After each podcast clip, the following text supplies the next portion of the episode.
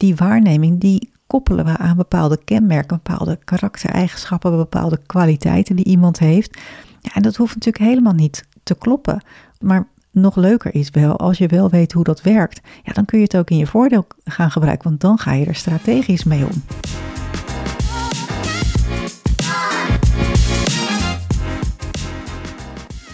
Welkom bij de podcast Wat trek je aan?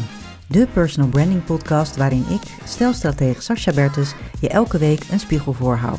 Je kunt de titel van deze podcast heel letterlijk nemen, want kleding is de strategische tool waar ik heel graag mee werk, maar er is meer. In deze podcast neem ik je mee in de geheimen van een succesvolle uitstraling. Ben je klaar om aan te trekken wat je verdient? Dan gaan we nu beginnen.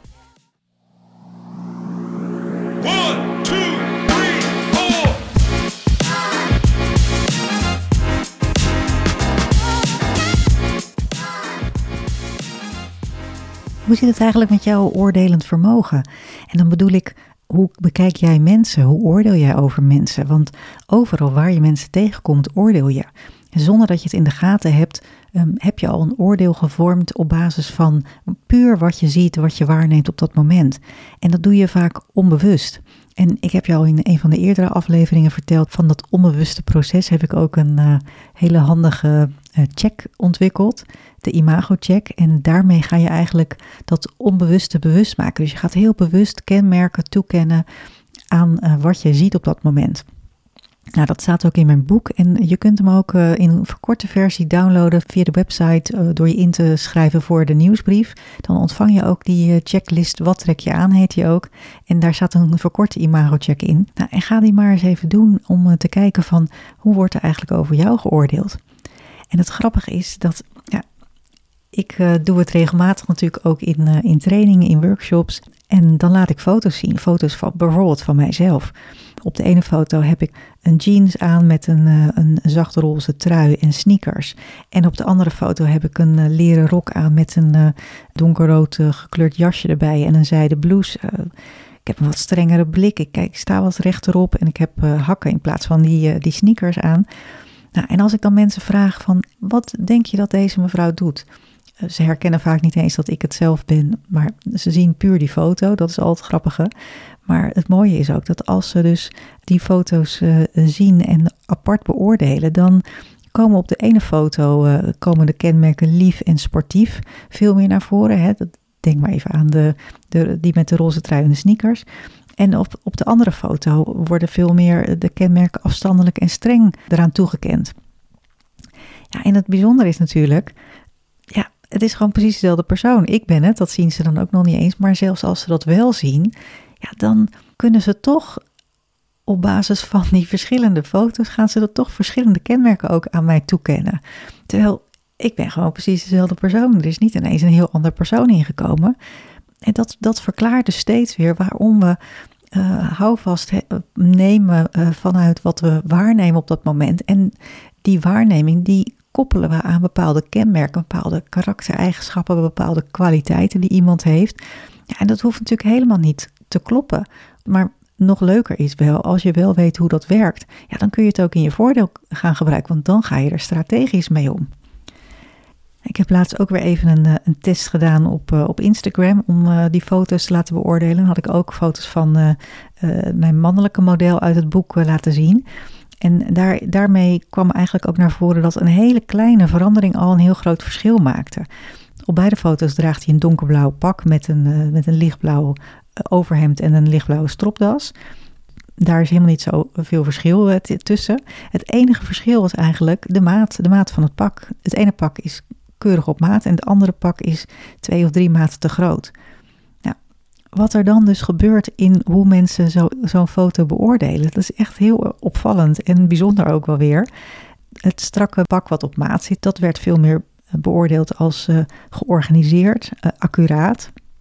Georganiseerd sprong er wel het meeste uit, 68% En op het pak wat, wat veel te groot was, ja, daar sprong echt het kenmerk eigenwijs naar voren. Dus georganiseerd wat bij het strakke pak nog 68% was, dat werd bij uh, het ruimvallende pak ineens nog maar 12%. En eigenwijs had dus 75% van de mensen had dus voor eigenwijs gekozen als het belangrijkste kenmerk wat ze, uh, ja, wat ze, wat ze van toepassing vonden op die foto, op, dat, op, op hoe die man er op dat moment uitziet. Ja, dus een pak heeft natuurlijk de uniforme uitstraling van professioneel en zakelijk en georganiseerd. Maar als dat pak veel ruimvallender is, dan, ja, dan komt het blijkbaar heel anders over. In dit geval heel erg eigenwijs. Denk even aan uh, twee heren die uh, ook hun pak nogal ruim dragen en uh, ook behoorlijk eigenwijs zijn. Ik noem even Donald Trump en Boris Johnson. En vergelijk ze bijvoorbeeld met Barack Obama en de nieuwe Britse premier Rishi Sunak. Als je die ook voor je houdt en je denkt aan georganiseerd of je denkt aan eigenwijs, dan krijg je ook meteen het juiste beeld in je, in je hoofd. Zo werkt het dus ook. Zo'n fotoanalyse, die heeft voor mij nog meer weer duidelijk gemaakt hoe, hoe zoiets werkt. En daaruit concludeer ik eigenlijk drie belangrijke dingen. Eén is dat kleding en uitstraling een, een hoofdrol spelen. want wanneer ik verschillende foto's van dezelfde persoon toon, maar steeds in een andere houding en met, met een andere outfit aan, dan beoordelen mensen dus die persoon op elke foto anders. Dezelfde persoon op elke foto beoordelen ze anders. En ze schatten dus diezelfde persoon op iedere foto anders in. En ze plaatsen diegene daar dus ook in een ander hokje mee. En dat bevestigt toch wel de grote invloed van kleding en van non-verbale communicatie op de indruk die je maakt.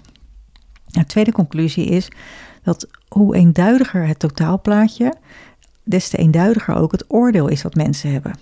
Want dat zeg ik ook altijd, te veel verwarring leidt tot onduidelijkheid. En daarmee ook tot eh, ja, ongeïnteresseerdheid en soms zelfs afkeuring. En die, die verwarring, daar bedoel ik mee dat er hele grote verschillen zichtbaar zijn.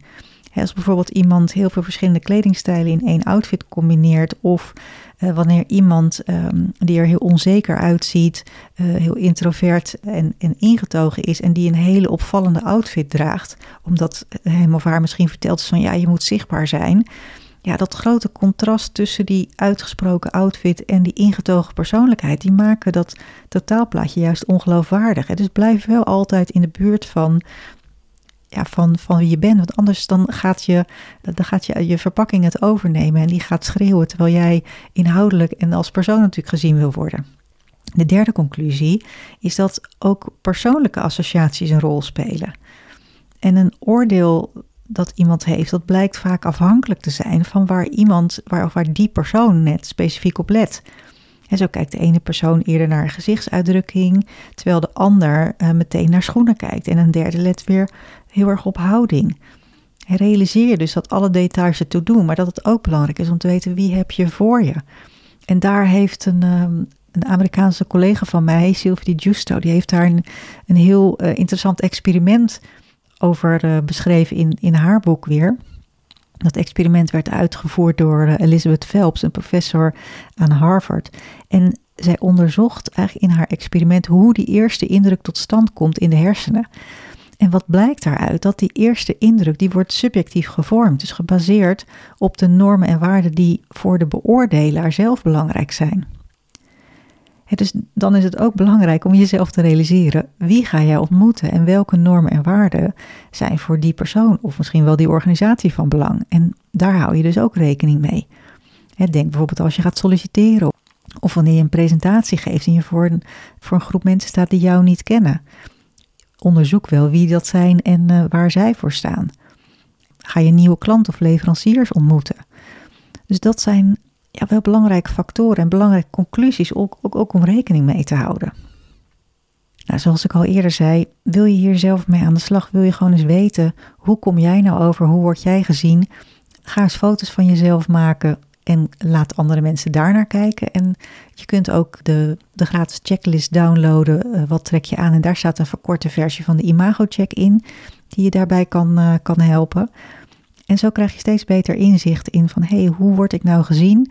En match dat met hoe ik gezien wil worden. Hoe wil ik dat mensen mij waarnemen? Welke kwaliteiten wil ik zichtbaar maken? Ik kan het niet vaak genoeg zeggen, niet genoeg uh, benadrukken dat jouw, jouw appearance, hè, hoe, word jij, hoe presenteer jij jezelf op de werkvloer en hoe word je daarin waargenomen door anderen, dat is vaak het enige waar iemand zijn informatie vandaan kan halen. Dus zorg gewoon dat die informatie klopt en dat die past bij, uh, bij wie jij bent. En dan zal dat oordeel over jou beter passen bij wie jij bent en hoe jij gezien wil worden. En ik denk dat je daarmee, door op deze manier naar jezelf te kijken, dat je daarmee ook op een andere manier, misschien wat milder naar andere mensen kijkt. Want we vinden het wel heel makkelijk om te oordelen over anderen en we hebben tegenwoordig heel makkelijk onze kritiek klaar. Maar als je kritisch naar jezelf kijkt, dan word je misschien ook juist wel wat minder kritisch naar anderen. Dus uh, daar, daar wil ik je mee uh, het weekend in sturen, of in ieder geval deze vrijdag. Ik wens je een heel fijn, uh, fijn weekend en ik dank je nogmaals weer voor het luisteren. Ik vind het altijd super leuk om uh, reacties te zien. Dus als je enthousiast bent over deze podcast, laat dan vooral een reactie uh, in de vorm van een review achter. Of like een post op Instagram of op LinkedIn als je die voorbij ziet komen. Of delen met je netwerk, zodat andere mensen ook weer weten dat deze podcast er is en, en gaan luisteren. Dus daar doe ik het voor om jou te ja, te motiveren en te enthousiasmeren om hiermee aan de slag te gaan. En ik hoop uh, dat je daar weer uh, wat inspiratie uit haalt. Dus heel veel succes ermee en uh, tot volgende week. We luisteren naar de podcast Wat trek je aan? Heel fijn dat je er was en ontzettend veel dank voor het luisteren. Wil je nou geen aflevering missen? Klik dan op de volgbutton in je podcast-app. En heb je een vraag of wil je dat ik met je meedenk over jouw appearance? Vraag dan een gratis strategiegesprek aan via de link in de show notes. Heel veel dank en tot de volgende keer.